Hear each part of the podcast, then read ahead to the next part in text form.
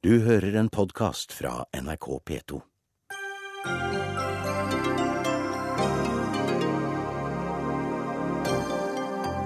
Unge muslimer rekrutteres til radikale grupper i Bergen og Oslo.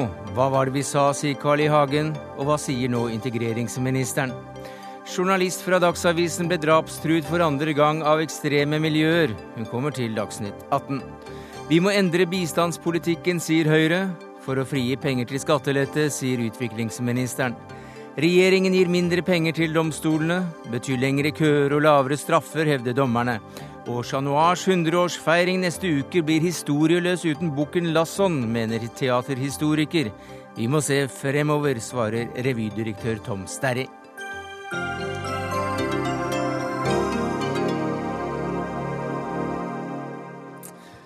Ja, Det er noen av sakene våre denne fredagen, der vi også får besøk av forfatteren som eh, bruker halve året på kung fu i Kina, er poet, billedkunstner, snakker ti språk, og som må til tundraen for å finne mannfolket i seg.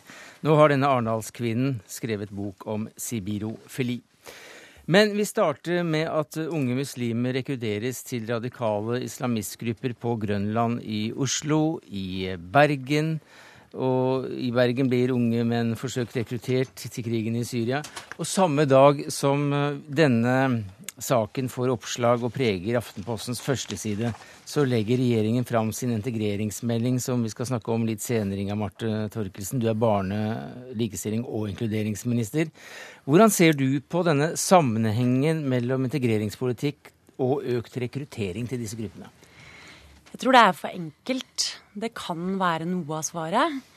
Men vi ser jo også at en del av de som er rekruttert inn i disse miljøene, de kunne like gjerne havna et helt annet sted. Eller et helt annet sted, men eh, en annen type marginaliserte miljøer, som f.eks. organiserte kriminelle miljøer. Noen har bakgrunn fra B-gjengen. Eh, og det kan ofte være tilfeldig hvor det er de havner. Men at det er viktig for dem å ta avstand fra det fellesskapet eller eh, storsamfunnet ellers står for, det er jo helt klart viktig. Eh, og det å være noe spesielt, det er tydeligvis også viktig. Det å bli kjent. Eh, så sånn sett så blir det i hvert fall viktig for oss å um, forebygge ny rekruttering til disse miljøene ved å inkludere flere. Ja, og det er vel noe av integreringspolitikken til regjering. Hvordan ser dere det for dere? Det dreier seg jo om å sikre at flest mulig føler seg som en del av fellesskapet, rett og slett. Og det er jo ikke noe enkel sak. Men det hjelper i hvert fall å begynne med å ha en debatt om integreringspolitikk som ikke setter opp et skille mellom oss og de andre. Med et karikert bilde av hva vi er, og hva de andre er. For hvis vi, hvis vi gjør det, hvis vi um, gjør, fører en debatt som gjør at barn og unge med innvandrerbakgrunn bøyer nakken i stedet for å rette ryggen og tenke at de bærer egentlig på noe veldig positivt, en kunnskap om flere kulturer. Ofte så er de flerspråklige. Det er jo en kjemperessurs for landet. Men hvis de i stedet bøyer nakken og tenker at dette samfunnet vil ikke ha oss, så er det en veldig farlig vei. FrPs ledelse sitter i landsstyremøte, men eh, de sendte heldigvis deg, Masiar Keshvari, for å ta denne saken. Hvordan ser du på sammenhengen mellom det som nå skjer i Oslo og Bergen, og regjeringens integreringspolitikk? Eh, jeg ser på det slik at det som nå foregår, er en kamp om verdier, som vi har sett komme til uttrykk gjennom svært mange år. En kamp om verdier der det på den ene siden er et eh, liberalt samfunn bestående av mennesker med mange forskjellige etnisiteter og tro, og på den andre siden totalitære mennesker som ønsker å bekjempe det samfunnet står for. Men spørsmålet var Hvordan ser du på sammenhengen mellom det som nå skjer, og regjeringens integreringspolitikk, som eh, er et tema her? Det er, en, det er jo, helt udiskutabelt at disse tingene henger sammen. For hvis vi ser hvem som er lederstjerne i disse miljøene, og hva de gir uttrykk for, så er det ikke noe tvil om eh, hva de representerer og, og hvor de kommer fra. Derfor mener jeg at det, det er på høy tid at uh, samtlige partier uh, er med på å ta denne debatten og finne fram virkemidler som er utover det å kaste penger etter folk og ha dialog. Er det for det integreringspolitikken går ut på? Jeg har dessverre ikke rukket å lese hele rapporten ja, som har, har kommet i dag, men jeg har sett det. Godt, ja. Ja, jeg har sett. Det jeg har sett igjennom, det inneholder ingenting som er nytt i den rapporten som skulle tilsi at at man skal få bukt med disse enorme utfordringene som vi i Fremskrittspartiet har påpekt gjennom mange tiår. Det som i hvert fall er sikkert, er jo hvis man eh, fører en politikk der man både skyver en del mennesker ut av det gode fellesskap, hvis man ikke er akkurat sånn som man da tenker seg at en norsk nordmann skal være. Hevdet det. Hvis man ikke bruker penger på å få eh, barn med innvandrerbakgrunn i barnehager gjennom gratis kjernetid, eh, hvis man ikke eh, legger om kontantstøtten, sånn som vi har gjort, og som ikke Frp har ønska, og ikke satser på tiltak retta mot å få innvandrerkvinner bl.a. i arbeid, som Frp foreslår å kutte, vel, så får man dårlige resultater. Eh, Programleder, det som er realiteten er at svært mange av oss som har søkt tilflukt i dette landet, kom ikke tilfeldig til Norge og til Vesten. Vi søkte tilflukt her pga. at den vestlige samfunn og det norske samfunn bygger på noen grunnleggende verdier og prinsipper.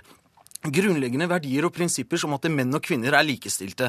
Grunnleggende prinsipper og verdier om at enhver menneske har rett til å tro på det han eller hun vil. Grunnleggende eh, verdier og prinsipper om at ingen skal trakasseres pga. sin seksuelle legning og har ytringsfrihet. Når disse verdiene er under angrep, så må vi stå oppreist og kjempe imot de som vil disse verdiene Ja, til livs. Men hvordan gjøres det gjennom en eh, integreringspolitikk? Det er det som er spørsmålet som reises i Dagsnytt 18 i dag, og, vi som har jo, vi har jo fremmet en rekke, rekke forslag på, på dette området. Det viktigste er å begynne å se sammenhengen mellom antallet man tar inn i landet, Mm. og det man klarer å integrere. Tore Bjørgaas, du er professor ved Politihøgskolen, og du har i en årrekke studert eh, ekstremisme i mange varianter. Eh, Kan det slå tilbake mot eh, integreringspolitikken eh, at det er vekst i radikale islamistmiljøer? Ja, Vi har jo sett det siste året eller to at det har vært en, en klar økning i militant islamisme. Samtidig som vi også har sett at det har begynt å røre seg på, på det ekstreme høyresida. Altså de, det er ikke det eneste stedet hvor vi ser at det vokser fram ekstremistiske bevegelser. Men eh, og dette miljøet som nå har eh, gitt seg uttrykk gjennom denne gruppa Profeten Summa f.eks., de har helt klart vokst siste året. Og representerer De har stått fram med tydeligere eh, voldsretorikk, for å si det sånn. Men samtidig så representerer disse en veldig marginal gruppe, en liten gruppe innenfor det store antallet muslimer som finnes i Norge. Noen titalls. Og, og, ja, noen titalls. Og, og de, de, det store tallet de greier seg ganske bra. Mange blir godt integrert, gjør, gjør det godt på skolen, tar høyere utdanning. Eh, det har vært interessant, eh, det kommer blitt lagt fram tall fra politiet i Oslo på at kriminaliteten i, i Groruddalen har gått ned nesten halvert i løpet av en tiårsperiode, mens da eh, antallet, eller andelen med innvandrerbefolkning har økt med 26% Det tyder på at det er en del som gjøres riktig, som gjør at man faktisk klarer å integrere veldig mange av de nye som kommer. Eh, Men det, samtidig så er det helt klart at det er en slags polarisering. Noen, De fleste greier seg ganske bra og kommer godt inn i samfunnet, og så er det noen få som faller utenfor totalt, og noen av dem blir på en måte mer kriminelle enn en de fleste. Og noen, tar, går inn, noen få går inn i disse militante ekstremistene. Nei, for jeg, jeg vet ikke hvor man skal for å finne eh, beskyldninger mot en, eh, mot en integreringspolitikk for å si at noen titalls mennesker at en ti, noen titalls mennesker bare av, av hundretusener eh, trår i en retning som eh, samfunnet ikke vil, at det skyldes en integrasjonspolitikk? Eh, Nå var det litt flere enn titalls mennesker som var samlet på Universitetsplassen når Mujaldin Mohammed fremsatte trusler om 11. september på eh, norsk eh, jord.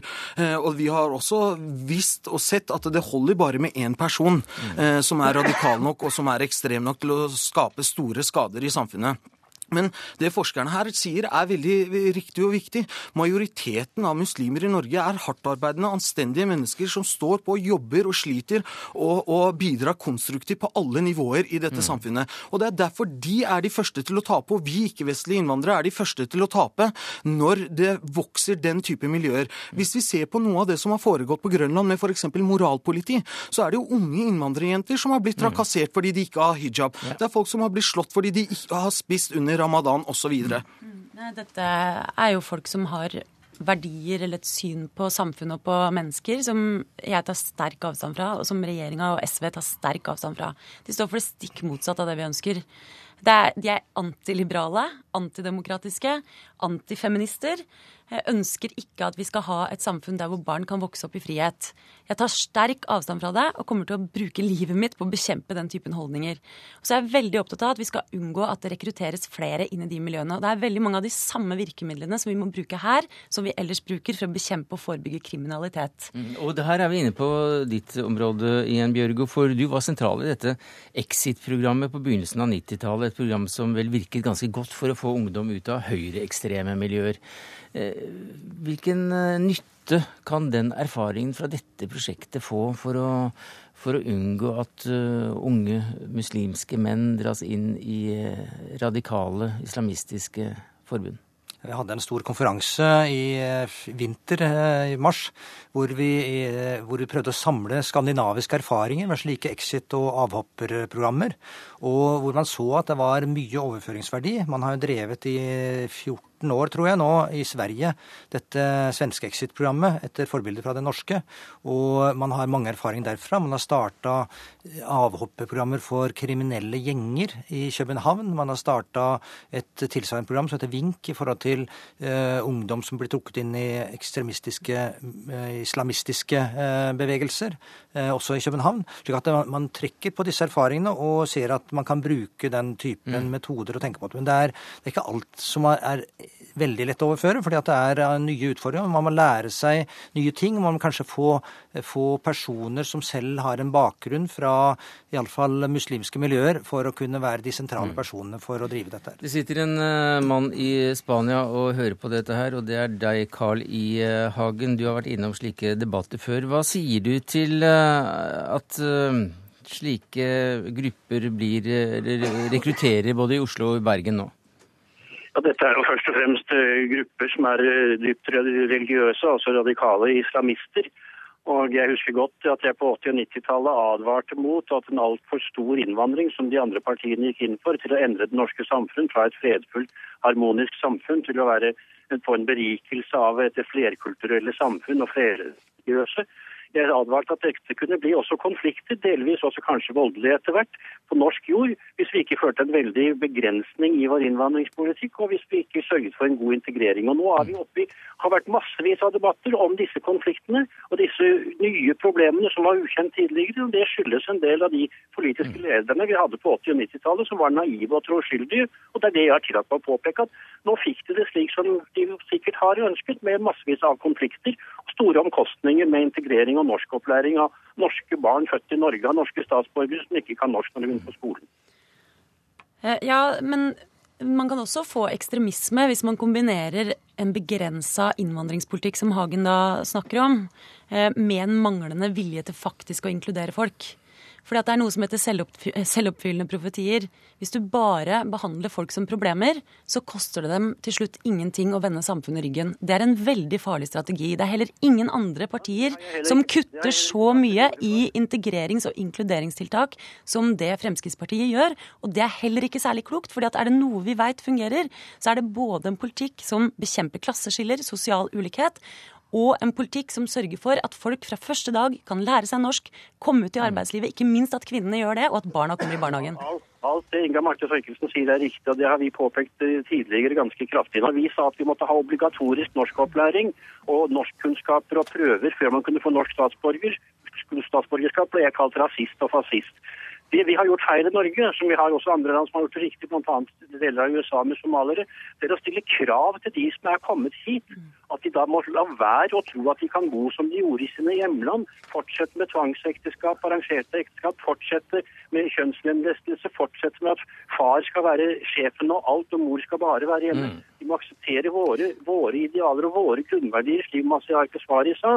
Og der har vi vært altfor passive i å stille krav til innvandrerne. Veldig mm. mange av de som Masiar sier, jobber og står og sliter, og er dypt bekymret over utviklingen, for de flyktet fra fra autoritære regimer, og så plutselig mm. kommer de samme kreftene som overtok i Iran, og begynner å bli veldig synlige også i Norge. Carl I. Hagen, du får komme deg hjem til Norge, så tar vi en debatt mens du er i studio. Men du fikk i hvert fall anledning til å si hva var det jeg sa i dag. Takk skal du ha. Tore Bjørge, professor ved Politihøgskolen, ekspert på ekstremisme. Takk skal du ha.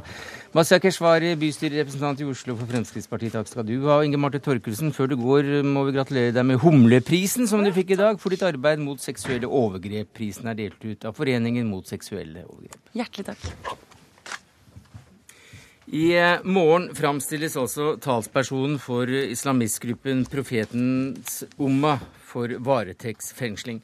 Ubaydullah Hussein ble som kjent arrestert i går for å, for å ha framsatt eh, trusler mot to journalister. Den ene var deg, krimjournalist i Dagsavisen, Nina Jonsrud. Vi hørte deg i eh, morges, men du får jammen gjenta det for oss også. Hva slags trusler var det du mottok? Jeg mottok en trussel om å bli, at jeg måtte ikke bli overrasket hvis jeg ble oppsøkt hjemme av kjente og ukjente brødre. I ord eller handling. Hvordan uh, tolket du det? Ja, det tolket jeg Altså, jeg tolka den vel ikke. Først så var det liksom som å få en knyttneve i magen. Mm. Men uh, fordi at jeg, for seks år siden så ble det skutt hjemme hos meg. Og vedkommende som ble siktet for det, tilhører dette miljøet jeg har skrevet om nå, som truet meg nå, da. Det er ikke dermed sagt at han har noe med det å gjøre, men de vet jo godt hva en sånn trussel vil bety for meg. Ja, for Du er altså krimjournalist i Dagsavisen, og for to uker siden skrev du at ekstreme islamister eh, fra gruppen Profetens Umma tar jegerprøven for å skaffe seg våpen på lovlig vis. Hva, hva, skjedde, hva skjedde etter at du hadde skrevet den artikkelen? Nei, Da fikk jeg en e-post klokka 9.16. Da kom den. Og så altså skjedde det ikke så mye. Vi, har, vi jobber i en, i en, eh, liten avis den er, ikke, den er riksdekkende, men vi er ganske få, så vi fikk vel så vidt anmeldt den før anmeldt trusselen før dagen var over. Du har i dag stått fram og fortalt at talspersonen fra Profetens omma Umma truet deg. Hvordan reaksjoner har du fått på at du har stått fram? Bare støtte. Masse varme e-poster fra lesere og fra kolleger, ikke minst. Mm. Politiet ba deg holde, holde en lav profil, men hvorfor ville du stå fram? Det er ikke helt sant. Altså, politiet altså, De har ikke bare bedt meg å holde en lav profil, det er delte meninger om dette er internt i politiet. Mm. Noen syns at uh, altså, vi, vi, har ytringsfrihet i Norge, og vi skal ikke la oss true til taushet. Og det mener også de. Men det er selvfølgelig sånn Det at jeg står fram og får mer sånn fokus på min person, mener noen kanskje kan true min sikkerhet. Men jeg syns det er mye mer farlig at vi ikke sier fram dette. Fordi? Fordi dette er farlige folk. Dette er, det er ikke bare noen sånne skjeggete unge og eldre menn som står og, som står og hyller utenfor ambassaden. Nei, for du har som du nevnte opplevd dette en gang tidligere. Mange husker bildet av deg foran et sønderskutt stuevindu sommeren 2006. Også da ble du knyttet til et virke som journalist, og den gang så hadde du ganske flaks da, som eh, sov i et telt i hagen med, med, med, med sønnen din. Det er et bakteppe å få en slik trussel? Det er det det er. Og den gangen så Altså, å sove i et telt i hagen der hvor jeg bor, er veldig uvanlig. Så jeg tenkte at de like gjerne kunne ha fyrt av en salve ned i det teltet, mm. altså selv om det bare var ment som en trussel. Elin Floberg Hagen, du er leder av Norsk Journalistlag.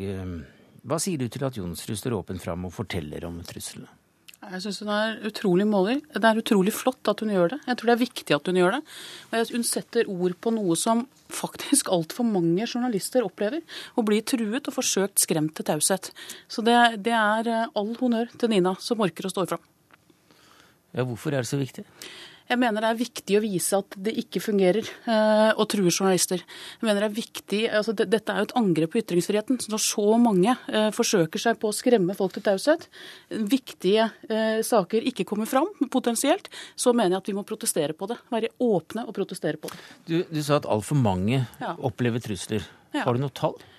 Ja, eh, et tall er at eh, nær 60% av de som er krimjournalister i Norge, i de siste fem årene er utsatt for trusler. Én eh, av fem av alle journalister totalt sett sier de har opplevd trusler. Det er høye tall og alvorlige tall. Hva slags trusler kan det være snakk om? Det kan være eh, forskjellige trusler. Eh, dette er en alvorlig trussel og blir vurdert som det. Eh, mange opplever ubehagelige trusler, sjikane, trakassering. De er ikke med i disse tallene. Dette er rene trusler som tas alvorlig. Eh, stort sett så blir disse anmeldt til politiet. Men virker truslene? Eh, det, det, er vanskelige tall å se på. Og journalister og redaktører som har svart på undersøkelsen vi har gjort, sier at noen sier at i noen grad gjør det det. De aller fleste sier nei, det virker ikke. Men noen sier at det virker? Noen sier at det kan virke. Hva kan de begrunne det med? Jeg tror dette er psykologisk. Det er beintøft uh, å bli skremt på den måten som, som man her gjør. Eh, du skal ha backing blant kolleger, blant oss, altså i redaksjonen, i bransjen, for å tørre å, eh, å stå oppreist i det. Det tror jeg man må innse. Du står eh, oppreist i det, Nina Jonsrud, journalist i Dagsavisen. Kommer du til å, til å fortsette med denne type journalistikk? Ja, det gjør jeg. Men det har jo satt meg i et dilemma nå, i og med at vedkommende som de har satt i varetekt, eller som de skal framstille for varetektsfengsling i morgen, han er siktet for å true meg. og Det betyr at han har gjort meg til part i saken. Så du kan ikke skrive jeg kan ikke skrive om, akkurat dette? Nei. Men eh, jeg kan jo fortsette å skrive om miljøet. og Det kommer jeg til. De kan jo ikke sette ut Altså jeg er kanskje den i Dagsavisen som vet mest om dette miljøet. Og hvis de blir setter meg ut av spill pga. en trussel, så Vi er ikke så innmari mange. så... Mm. Takk skal du ha for at du kom til Dagsnytt 18, Nina Jonsrud, krimjournalist i Dagsavisen, og Elin Floberghagen, leder i Norsk Journalistlag.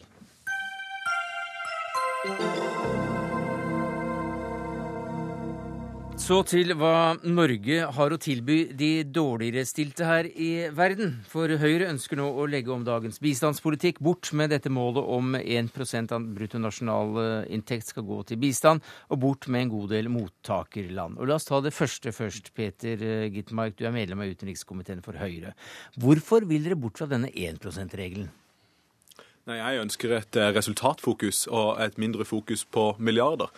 Bistand er en veldig liten del av vår utviklingspolitikk. Og Det viktigste vi kan gjøre fra norsk side, er å se til at norsk politikk trekker i riktig retning. Og det er ut, det, det utviklingspolitikk, en, utenrikspolitikk ja, eller næringspolitikk det, og handelspolitikk. Det, er greit, unnskyld at jeg avbryter deg, men tilbake til denne 1 %-regelen som, som nå har vært et slags mantra i noen år. Hvorfor er det så viktig å gå bort fra den? Fordi at jeg mener Alt skal ikke bindes opp til prosentsatser. Med dette ønsket så ligger det ikke noe ønske om umiddelbart mindre penger. Høyre kommer til å gi massive summer i mm. utviklingsstøtte i årene som kommer. I hele perioden vi satt i regjering sist, så økte bistandsbudsjettet selv om det var vanskelige økonomiske tider, hvert eneste år. Og budsjettallet det må tas i eh, eller tallet, det økonomiske tallet må tas i budsjett. Mm. Mens det viktige for oss nå det er å fokusere på resultatene, mm. og det gjør i altfor liten grad regjeringen. Heikki Holmås, uten utviklingsminister.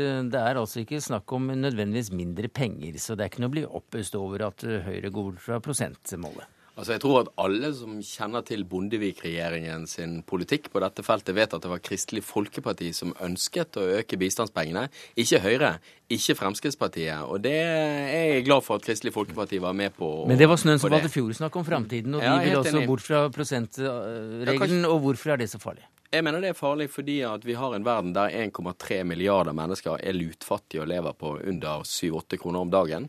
Der det er sånn at vi har 800-900 eh, millioner mennesker som sulter eller er sultne og er underernærte når de går i seng og, og legger seg. Og I en sånn verden så mener jeg at et av verdens rikeste land som Norge er, faktisk kan bidra så godt vi kan og 1 det å gi 1% av det vi tjener her i landet i utviklingsstøtte, det er avgjørende for å bidra til en positiv utvikling. Det er fem land i verden som holder løftene sine.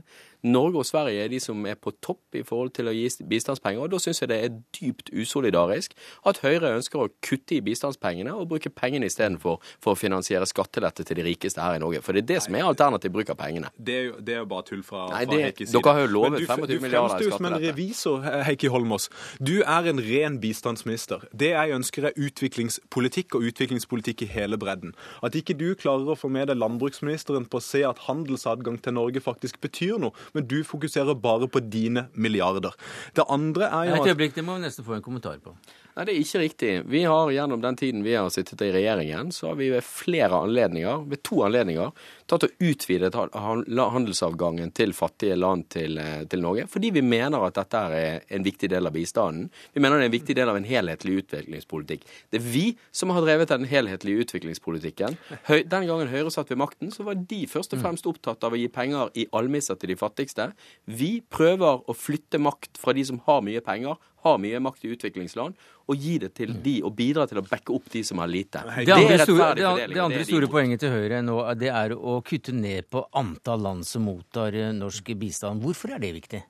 Ja, I dag så er det ca. 110 land som mottar norsk bistand. Det er 60 røftlig av alle verdens land. Og jeg tror det er greit å begynne med et spørsmål først. Og det er skal alle land som gir bistand, skal vi gi til alle andre? Og svaret på det, uansett om man tilhører høyre- eller venstresiden, er nei, åpenbart ikke.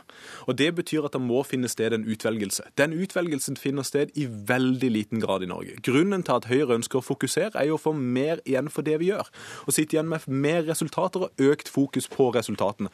Det klarer vi ved å velge ut noen land til å motta mer penger enn de gjør i dag, til å få økt innsats i forhold til det de gjør i dag. Og så vil det være da land vi vil eh, bevege oss bort ifra.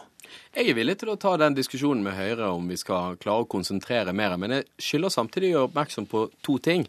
Det ene er at eh, en 40 av de landene som vi gir støtte til i dag, det er land som får under 10 millioner kroner. og Det er stort sett eh, nei, utvekslingsavtaler gjennom Fredskorpset. Det er penger til eh, vennskapskommuner mellom Norge og, og, land i sør. Og jeg tror ikke på en måte, jeg tror liksom ikke at det er den, det store kuttet som, som, må gjøres. Men jeg er villig til å diskutere det, fordi jeg tror også det at det å bidra sterkere i enkelte land, eller langs enkelte temaer som det Høyre foreslår, det er en del av det vi har gjort de siste årene. og vi har omtrent like mange land som vi gir støtte til, som sist gang Høyre satt i regjering. Ja, for Like viktig som å kutte i antall land, handler jo om å kutte i antall tema. Og Det handler jo også om den konsentrasjonen at vi er faktisk ganske gode på noen helt sentrale temaer. Ressursforvaltning er et godt tema. Eh, det handler om eh, olje, det kan handle om fisk, som jeg er en pådriver for. Det eh, handler om utdanning, det handler om helse, som gode eksempler som jeg mener vi skal drive mer av. Men problemet er at vi sprer oss på alt. Og Heikki Holmås er jo et strålende eksempel på en som ikke klarer å prioritere. Han er så opphengt i sine milliarder at han ser ikke at utenrikspolitikken, innvandringspolitikken, handelspolitikken henger sammen. Og Det er jo det vi ser gang på gang, Heikki. At du ender opp i dine milliarder og vil bare eh, diskutere prosentsatser. Dette er jo ikke riktig. Det er jo vi, med Erik Solheim som utviklingsminister og videre med meg, som har tatt utviklingspolitikken fra å være den snevre bistandspolitikken som er gaver og almisser til de få, som er fattige, til å tenke helhetlig politikk og si det er vi som legger frem samstemthetsrapporter som sier at all politikken må henge sammen. Og jeg er helt, jeg er helt enig i det at, eh, at, skal vi klare å komme videre i politikken, så er vi nødt for å satse på en del av de tingene vi er gode i, og jeg prioriterer helt klart for det første så sier jeg vi må satse på rettferdig fordeling. Og Der mener jeg at Peter Gitmark og Høyre tar helt feil når de bare vil gi penger til Afrika. Fordi at Afrika er, er et sted der det er mange mennesker. Der bor det mange fattige mennesker. Den, men, men den debatten har du tatt her i Dagsnytt 18 før, så ikke jo, ta den nå. Men jeg kan si at ved å, ved å, bare fokusere på Afrika, så går du glipp av alle de fattige menneskene som bor i India, alle de fattige menneskene som bor i Latin-Amerika, og som vi er nødt for å bidra med og støtte for å bidra til en rettferdig fordeling i de landene. Det, det glipper for Peter Gitmark. Når, vi, når vi diskuterer antall land, Heike, så henger du det alltid opp i at ja, det er noen eh, titalls millioner her og noen titalls millioner der. Summen blir ganske stor. Summen blir faktisk sånn at når vi sprer oss på så mange land som vi er i dag, ja, men så medfører det økt korrupsjon. Det medfører dårligere prosjekter. Det medfører eh, mindre koordinering, og vi kan vanskeligere stille krav til de som mottar norsk hjelp. Alt det betyr faktisk noe. Jeg er opptatt av at vi skal skifte bort ifra milliardfokus over på resultatfokus. og der er er absolutt ikke du eller din regjering. Og det du sier i forhold til at du er, sammen med Erik Solheim, den statsråden som har tatt utviklingspolitikken i sentrum Vet du hva, for noe vås! Du er en ren bistandsminister. Hvis du ser på hva som skjer i Sverige, i Nederland og i Storbritannia, ja, da er du mennesker som klarer å se på utviklingspolitikk. Hvis du ser på Norge, så er vi tilbake til bistand. Jeg må få lov å avbryte deg, for du puster jo ikke innover i det, i det hele tatt. Men du er medlem i utenriks- og forsvarskomiteen for Høyre. Og når du også kommer til å ta over for, for Heikki Holmås eh, om om en stund så vil jo også ditt første slag vil stå for å få mindre bistandskroner til departementet ditt. Nei. Eh, mitt eh, første slag vil være å få mest mulig igjen for de kronene jeg får. Mm. Mitt slag vil være å få eh, handelspolitikken som faktisk bidrar til at mennesker kan arbeide seg ut av fattigdom. Og jeg mener det er viktig at vi skal gi mange milliarder. Men, men flere slag Unnskyld at jeg avbryter deg, Gitmar. Flere, flere slag har vi ikke tid til her i Dagsnytt 18, men takk for at du kom som medlem av utenrikskomiteen for Høyre, og Heike Holmås, utviklingsminister.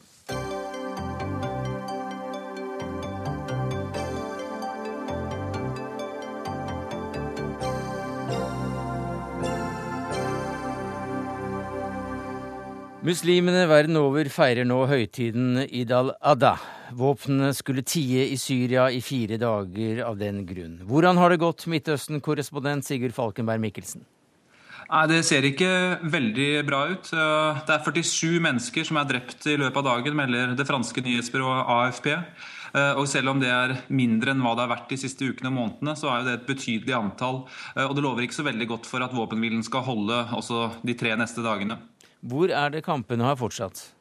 Litt uh, forskjellig. Uh, egentlig på de fleste stedene i mindre, større eller mindre grad hvor det er harde kamper. Uh, særlig da i nord. Det har også kommet meldinger om en bilbombe i Dera helt sør og en bilbombe i Damaskus. sånn at det er trefninger jevnt over, men de er da mindre intense enn de har vært de, den siste perioden. Jan Egeland, som europadirektør i Human Rights Watch, hva sier du til at kampene da tross alt er mindre? At man tross alt har Noen har latt være å skyte, i hvert fall i denne høytiden? Ja, det, det har de. Eh, og, og, jeg velger å være litt optimist nå. Altså, det er ikke vanskelig å være observatør og si at alt går til helvete i Syria. For man har alltid fått rett hvis man har hatt den spådommen. Men Brahimi gjør etter mitt skjønn det eneste riktige nå. Han sier her har du en av de største eh, muslimske høytider. Vi må få et første tillitsskapende til, eh, eh, skritt. La oss erklære denne våpenhvilen. Og så virker det som at hovedgrupper har sagt ja. Og så har mange mindre grupper fortsatt å slåss, og det var mm. vel også å forvente. Og Lakhdar Brahmini, han er Han er utsendingen som tok over fra Kofi mm. Annan. Og Kofi Annan prøvde seg også da 12. april med sin sekspunktsplan, som skulle begynne med en våpenhvile. Den åpnet mm. også bra, og så gikk det, det galt. La oss håpe det går bedre denne gangen. Brahimi har fått uh, ganske bred støtte, Falkenberg Mikkelsen, også fra kretser som uh, ikke har støttet uh, tidligere fredsprosesser? Ja, altså Han har klart å samle i hvert fall en del regional støtte. og Han har jo drevet et virkelig intenst diplomati de siste eh, par-tre ukene for å få til eh, dette. Eh, han har vært ganske tydelig her i Kairo på at dette er et første skritt, at det er en åpning. At det gir moderate krefter på hver side i hvert fall litt grann pusterom. Og så har han også vært tydelig på at uten et minimum av internasjonal koordinering, så, så vil dette kollapse mm. ganske raskt. Og skal vi minne om at eh, der Kofi Annan mislykkes, så var det jo også etter hvert FN-observatører inne for å se på denne våpenhvilen. Dette her foregår jo helt lokalt, og det er ingen til å, ingen til å overvåke det som eh, foregår. Og Syria og Russland har eh, ikke nektet denne gangen? Nei, altså denne gang så har jo i og for seg alle sagt seg enig i Eh, våpenhvilen. Altså, dette er en teknisk type våpenhvile. Jeg har vært involvert i en del kriger og en del fredsprosesser.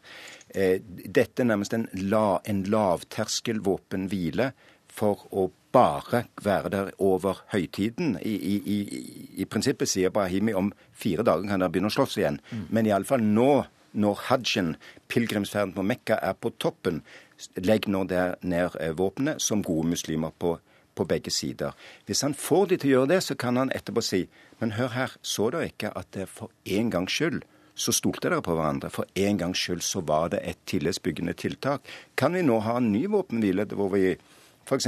vaksinerer barna? Det har jo ikke skjedd nå i, i, i denne perioden. Så gjør de det òg, osv. Det er denne mer funksjonalistiske skritt for skritt, tillitsbyggingen, som kunne være én vei ut av det. Og som er en annen strategi, så å si, enn det vi har sett før. Ja, altså det er virkelig Da går man tilbake nærmest til nullpunkt og sier den store spranget som Kofi Annan foreslo, en sekspunktplan for å få slutt på krigen og begynne freden nærmest med en gang. Det gikk ikke. La oss nå prøve skritt for skritt å bygge noe bedre enn det blodbadet som har blitt verre og verre. Hva slags fase er um, uansett denne borgerkrigen i nå? Du får jo daglige rapporter fra informanter langt inne i Syria. Ja, Det er det verste verden har opplevd noe sted på ti år. Mm. Det var ingen måned som var så ille som august. Ikke engang i Irak-krigen. Ikke engang i Afghanistan-krigen. Aldri eh, noensinne i den israelsk-palestinske konflikt så blodig som august var i, var, eh, var i Syria. Så, så, dette har bare vært et, en, en ren katastrofe. Og så vet vi at det kan bli enda mye verre.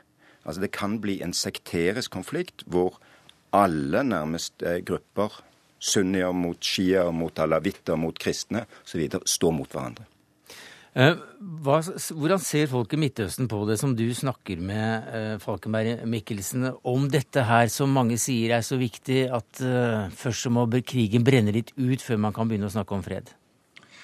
Altså, dette er jo en desperat uh, situasjon for uh, Syria, men det er også en utrolig vanskelig situasjon for alle land i Midtøsten som uh, er på en eller annen måte involvert, på en eller annen måte berørt av dette. Altså, veldig mange av landene tar imot store, store grupper av syriske flyktninger. Noen prøver på politiske løsninger, men vi ser at det låser seg ganske fort, fordi det er reelle interessemotsetninger som står her. Eh, sånn at Dette er på en måte også eh, noe av det nye Midtøsten som, som, defineres politisk. Vi ser at det begynner å åpne seg en akse mellom Tyrkia og Egypt. Eh, men hovedkonflikten her i regionen står jo mellom Iran og Saudi-Arabia. Hva slags framtid på kort sikt er det du ser for deg nå, Jan Egeland? Hvis det omtrent blir slik det er i dag, nemlig at denne våpenhvilen holder så vidt, i hvert fall at det er litt roligere enn det pleier? Altså, det beste scenarioet Det er vel tre scenarioer. Et, et, et, godt, et dårlig og et grusomt scenario. Det gode det er at de, de, de, har en mistillit nå over helgen, og at man så går i forhandlinger som gjør at Assad forlater eh, med eh, Syria med et minimum av ære og får tilhold i Russland eller, eller et annet sted. Iran, f.eks. Det, det verst tenkelige scenarioet det er den fulle sekteriske kaos mm. med landsby mot landsby. Det dårlige scenarioet er jo at det fortsetter som nå. At krigen bare fortsetter og fortsetter. Og som eh, Falkenberg Mikkelsen sier, man slåss jo nå eh, Gulflandene mot Iran til den siste syrier. Eh, syrer. Altså dette er, en, dette er en konflikt hvor syrerne taper også pga. at det er svære regionale krefter som står mot hverandre. Og for den del i Sikkerhetsrådet Vesten mot Russland. Og en av de tingene vi får høre fra, fra felten, er jo at nå, nå, har de brukt mer og mer også forbudte våpen, som klasevåpen, som pepres rundt omkring, som kommer til å ligge der i lange, lange tider og drepe, drepe barn. Jan Egeland, europadirektør i Human Rights Watch, takk for at du kom til Dagsnytt 18. Takk til deg, Sigurd Falkenberg Mikkelsen, Midtøsten-korrespondent i Kairo.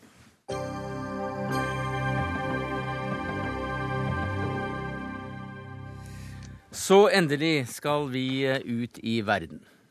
Ja, vi skal til Sibir, eh, Russland. Da skal jeg lese en liten eh, innledning fra boka mi, eh, som heter Det ville østen. Sibirofili. Sibirofili er vanskelig å definere. Men det er noe mellom en tilstand, en legning og en virusaktig sykdom. Den biter seg fast i hjertet og fornekter all form for urbanisme. Allerede fra barnsbena liker de sibirofile, sibirofilistene, gjerne å sitte under en furu og sende melankolske blikk ut i evigheten. Slik begynner du også boka di, Miri Abrahamsen. Selv ble du hardt angrepet eh, allerede som unge. Men du sier også at du drar til tundraen for å finne mannfolket i deg. Hvordan gjør du det?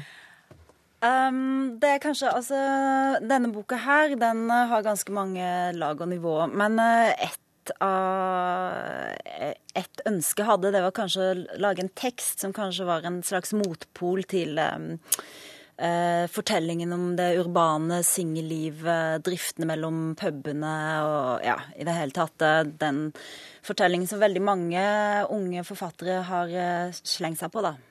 Så dette er en annerledes bok. Dette er et alternativ til Caffè Latte-bøkene? Det er et alternativ. Og så er det også en tekst uh, som handler om å være til stede i verden. Som uh, Jeg vil gjerne langt bak nyhetsbildet da, i Russland. Uh, fordi jeg tenker at Russland er et naboland som de aller fleste, hvis du spør folk flest hva de vet om Russland, så er det noen store knagger eh, som går på stormerkesaker som kanskje Putin, kanskje Politkovskaja i det siste Pussy Riots. Eh, men hvis du spør dem om hva de vet om bak eh, virkeligheten fra nyhetsbildet om Moskva, så er det ganske lite. Ja, for du, du går tett eh, på og, og dypt inn i, eh, inn i, det russiske. Og, og hva i det russiske er det du gjerne vil ha fram? På din tur da rundt i eh, Sibir og transsibirsk og alt det der? Altså, Russland er veldig uh, Russland er et land som hele tida overrasker en. Uh, og det er det som jeg tror kanskje gjør at uh, det er interessant hele tida. Um, Russland har så mange absurdismer ved seg som i Russland er helt normalt. Altså etter normalna. Eh, som de liker å si. Eh, samtidig så har, eh, så har, jo Russland en sånn vanvittig historie og en utrolig kulturrikdom som man kanskje glemmer litt i den vodkaskyen da, som mm. man ofte snakker om. Ja, for man ofte snakker om, Du snakker om den selv, da, selv om du gjerne vil unngå stereopier. For drikkinga kommer du ikke utenom. Og du sier at, at i Russland så er det drikkepress som får et norsk russetreff til å framstå som et bønnemøte. Mm. Ja, helt klart. Eh, og det er jo et problem. Altså, man kan ikke ikke skrive om eh, alkoholproblemet i Russland når man skriver en så tjukk bok, men man prøver kanskje å sette eh, det inn i en ny kontekst, da. Eh, og ikke mm. bare skrive om vodka. Men i denne boka da, så tar du også en, en, en lang reise. Mm. Eh, i, nesten i romansform så leter du da etter en slags sibirsk prins en, en, gammel flamme, eller i hvert fall en, en venn, eller hvordan, hvordan, det er. Vi skal ikke røpe om, om du finner ham. Eh, men denne mannen i seg selv er jo overhodet ikke i tråd med hva som er eh, kjønnspolitisk korrekt i Norge. Nei, altså, uh, Da jeg flytta til Russland og studerte russisk litteratur i St. Petersburg og Vladivostok, da flytta jeg direkte fra Midtøsten. Uh, da hadde jeg brukt en del år i Israel og Syria. Uh, og det jeg syns var ganske påtagelig, det var at ofte så følte jeg meg kanskje mer undertrykt som menneske i Russland. Mm. I denne ekstreme machokulturen enn det jeg følte meg i Midtøsten. da. Men om jeg-personen i denne boka her er ganske fascinerende figur, så, så, så, har du jo selv da studert klassisk arabisk i Syria, litteratur i Russland, du har studert kunst i Holland, språk i Praha, Hviterussland, du er journalist, forfatter, poet, egentlig billedkunstner, du bor halve året ved et treningssenter i Kina for å spise kung fu-formen, ja, så snakker du visst en titolv språk også, og allikevel så er også da plottet i denne romanen noe så trivielt som jakten på en mann. Ja, men uh, det er litt uh, Det er ikke den helt vanlige jakten på en mann. Uh, det er jakten på det som er muligens en død mann. så litt av clouet er å finne ut om han lever, eller om han er død. Og så er det litt grann spennende å se om det går an å finne en person i Sibir, som er et sånt endeløst sted. Ja, for denne, denne, mannen du leter etter, det, det er jo en som mener at kjønn alt som har med kjønn skjer mellom to kjønn, det har med reproduksjon å gjøre? Ja da. Uh, denne, denne, mannen, eller denne vennen, da, kan jeg si, uh, han er vel på en måte Han representerer vel omtrent alt det som kan få uh, gåsehuden frem hos en norsk kvinne. Så det er òg litt av temaet, da. Hvordan et vennskap var et vennskap, og mm. hvordan kan man på en måte møtes eh, på tvers av kulturer og synspunkt. Og Hva er det som får gåsehuden frem hos enhver norsk kvinne? Nei, altså Man har jo et fenomen i Russland som heter mojik. Mm. Uh, og mozjiken det er en type mann som er på en måte det er alle mannfolks storebror. Uh, som får et vanlig norsk mannfolk til å virke veldig puslete og dumt. Uh, så det er, det er, en utrolig sjåvinistisk mannstype. Det er litt puslete kanskje å stille spørsmålet, men hvordan blir man kvitt en bjørn? Um, man skal i hvert fall ikke løpe. Man skal, man kan, uh, jeg hadde med en fløyte som jeg tenkte jeg skulle blåse litt hardt i, men, uh, men jeg fikk uh, beskjed om at hvis du møter på en bjørn, så må du ta av deg klærne ett for ett og rygge bakover. og da skal bjørnen miste interessen. Men så tenker jeg at hvis du har kommet helt ned til underbuksa, og bjørnen fremdeles er interessert, og du ikke kan løpe, da har du et problem. Anmeldelsene av denne boka har til dels vært eh, et langt uh, jippi. Uh, hvordan reagerte du da du fikk en sekser i VG? Um, Tatoverte du en ternekasse på skulderen f.eks.? Nei, jeg gikk ut i skogen og satte meg på en stubbe. Takk skal du ha, forfatteren av Det ville Østen, Miré Abrahamsen.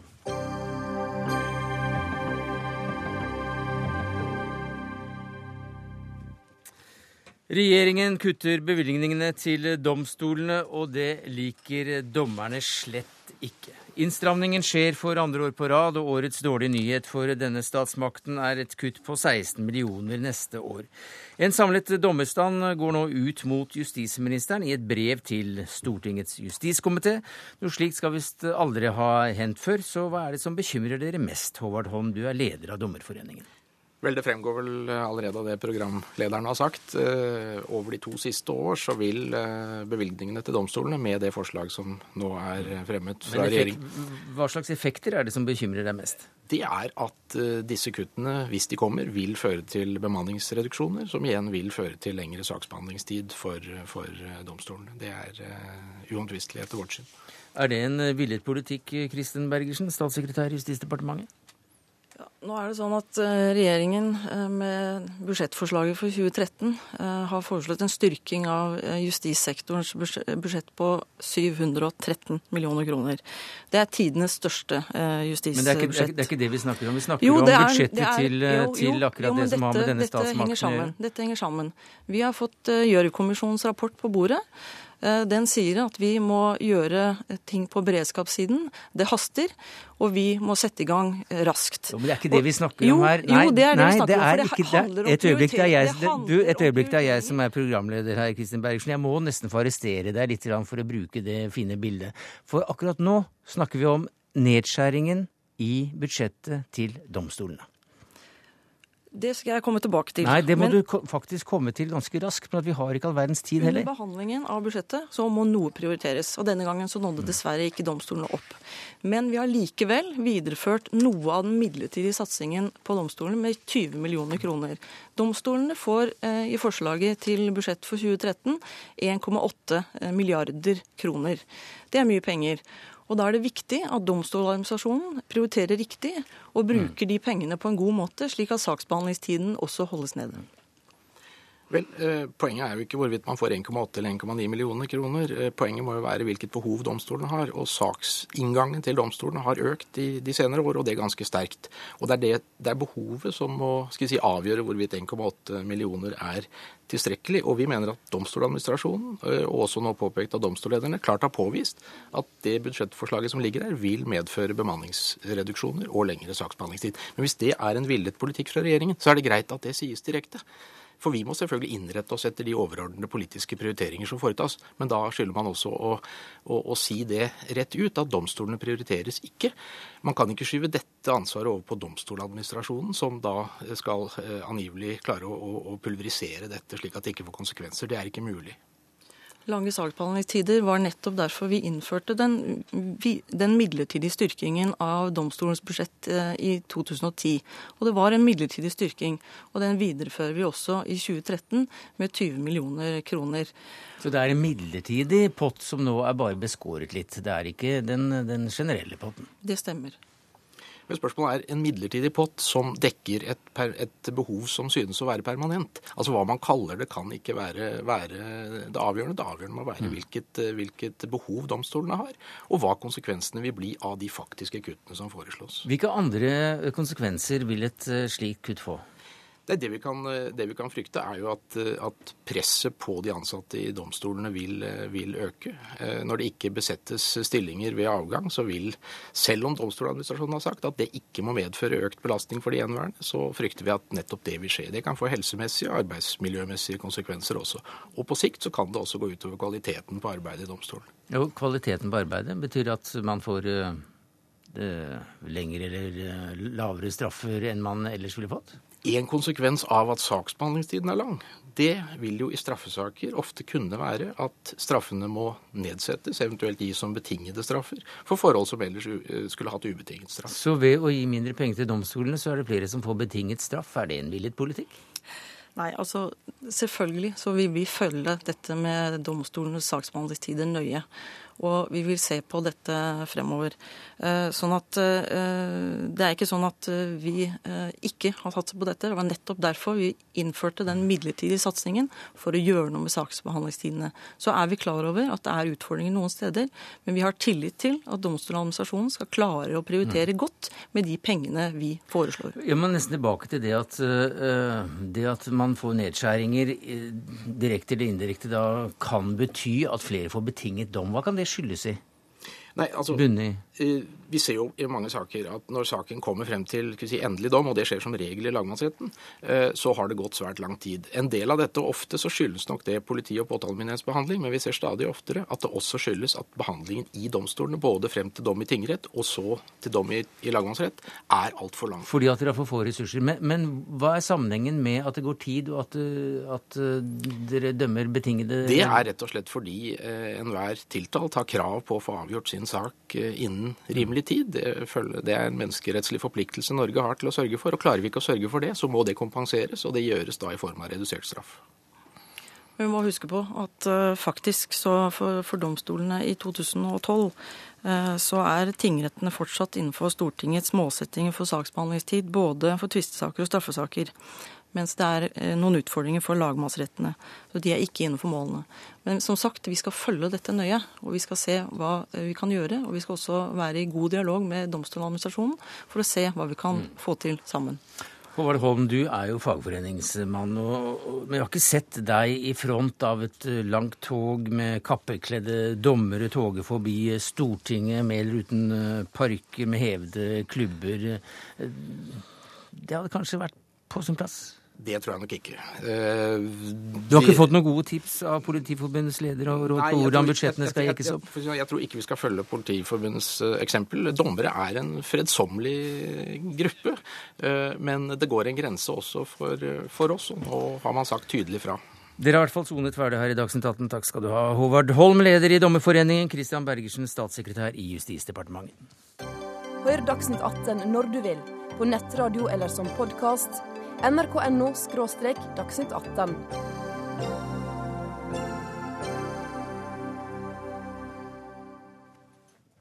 Jeg vil gjerne ønske dere hjertelig velkommen til eh, denne aften i vår kabaret.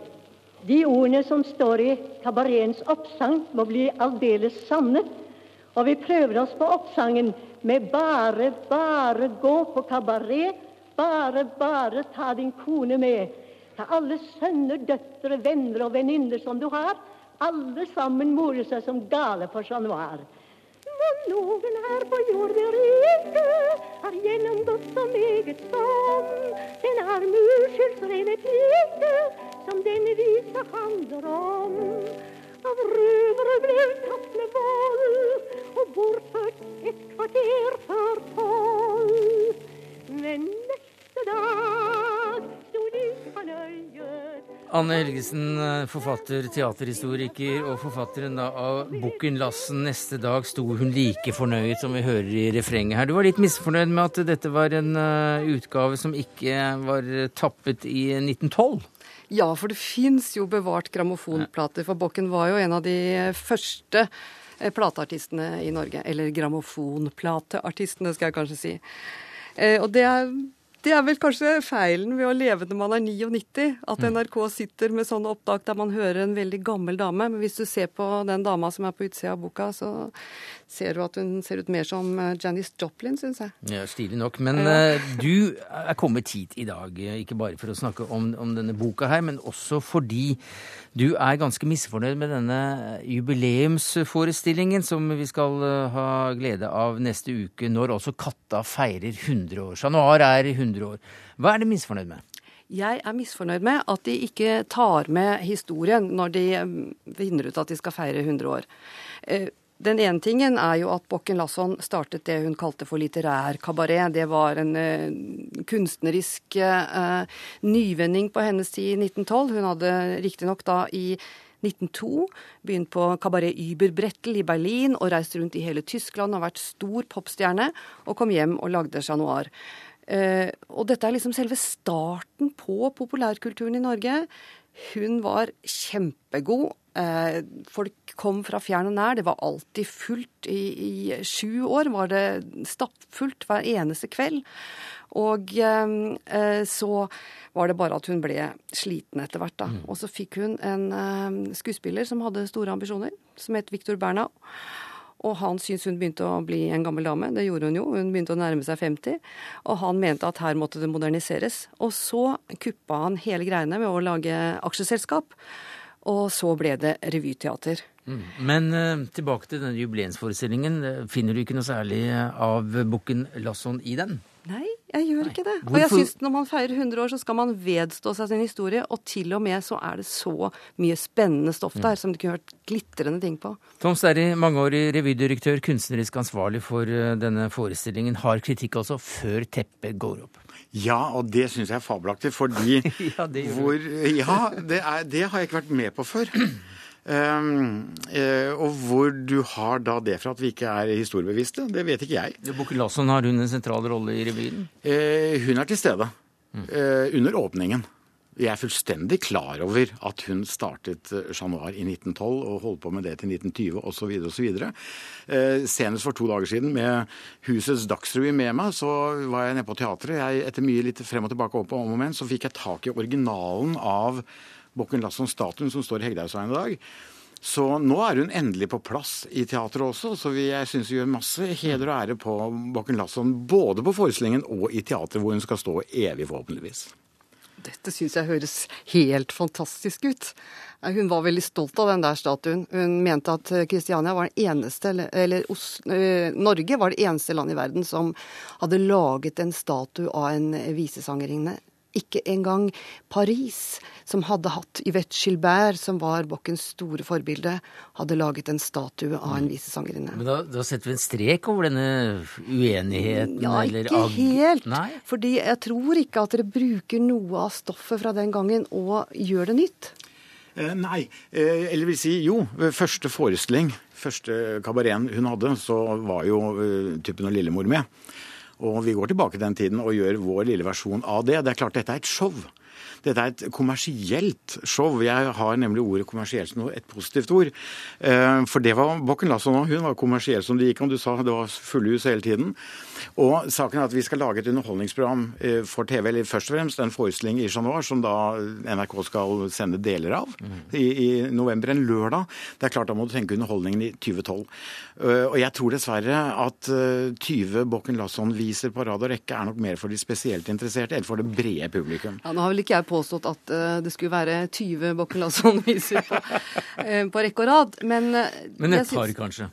Et par, kanskje. Eller det var jo mange andre ting. Altså, hun var jo ekstremt flink til å trekke inn nye uh, unge forfattere. Så blant annet Wildenvey var jo selveste kabaretbaronen uh, på Chat Noir. De hadde masse småinnslag, uh, bildekunst, som var veldig spennende. Og jeg tror at norsk revy, kommersielt sett, ville hatt veldig, veldig mye glede av å plukke opp noen av de utrolig gode ideene Du, Bokken jeg, jeg er helt enig med deg. Eh, saken er at vi, vi lager et show for uh, 2012 hvor det skal runge av latter. Folk skal ha den de, gjenkjennelsen de har i dag. Vi, vi forteller hvem som startet. Det er Mm. Chat Noir. Altså, det, det er det jo ingen tvil om, men vi lager jo vår vri på det. Og så er det noe med at NRK sender ved Andreas Diesen har sendt mange ganger, og igjen nå også sender Chat Noirs historie, hvor hans første program om Chat Noirs historie, der er viet masse plass til Bakken Lasson. Ja, og så er skal- er det noe med ikke tråkke i det. La det programmet og det showet vi lager, kanskje utfylle hverandre istedenfor å konkurrere på en eller annen måte. Ja, men jeg vil ikke at det skal være støvete museum. Jeg tenker at Nei, akkurat som Ibsen eh, gjøres om igjen og om igjen og blir moderne teater, så Ja. er stoffet fra det gamle Chat Noir sånn som dere kan ta om igjen og gjøre nytt. Hvorfor skal det bare være den klassiske kulturen som skal få lov til å bruke og gjenbruke klassikerne sine? Jo, nå er du inne på en idé på en, på en, eh, på en, eh, en, en forestilling. For, for meg så er markeringen av Noir Altså det er Chat Noir som 100 år, ikke Boken Lassen. Ja, men du fikk en idé nå, og nemlig også gjøre Boken Lassen på en helt annen måte. En liten kabaret beregnet på et færre, mindre publikum, i aller høyeste grad. En hyggelig søndagsforestilling som eh, Men jeg tror ikke det trekker det som må trekke i dag for at vi skulle kunne kjøre med fulle hus og full jubel. Det som er viktig for meg med Chat Noir nå, det er å vise at katta er 100 år. Den er like kvass fremdeles. Og den, er like, den har like mye energi. Og den skal jo leve helst i 100 år til. Men du, det er ikke så helt sikkert, men at jammen har det vært uh, klippet klør og, og avrevne haler og ører og litt av hvert, for den har seilt en, en veldig eh, røff sjø, hele, hele systemet der. Stadig konkurser og nesten nedlagt. Ja, nå er du inne på historikken. Men uh, nå går det bra. Ja, i min tid. Jeg har sittet som teatersjef der i 17 år, og vi har ikke vært i nærheten av det. Heldigvis. Så for meg så er det sånn, det er viktig, og vi, derfor har vi også artister med som aldri har stått på Chat Noir scene før. Og de får du ikke snakket om, pga. at vår tid er over. Tom Sterre, kunstnerisk ansvarlig for Chat Noir-jubileet, takk for at du kom til Dagsnytt 18. Anne Helgesen, forfatter av boka Bokenlassen, takk skal du ha. Det var det vi rakk, takket være Sire Storstein Hytten, Eli Kyrkjebø, jeg heter Sverre Tom Radøy.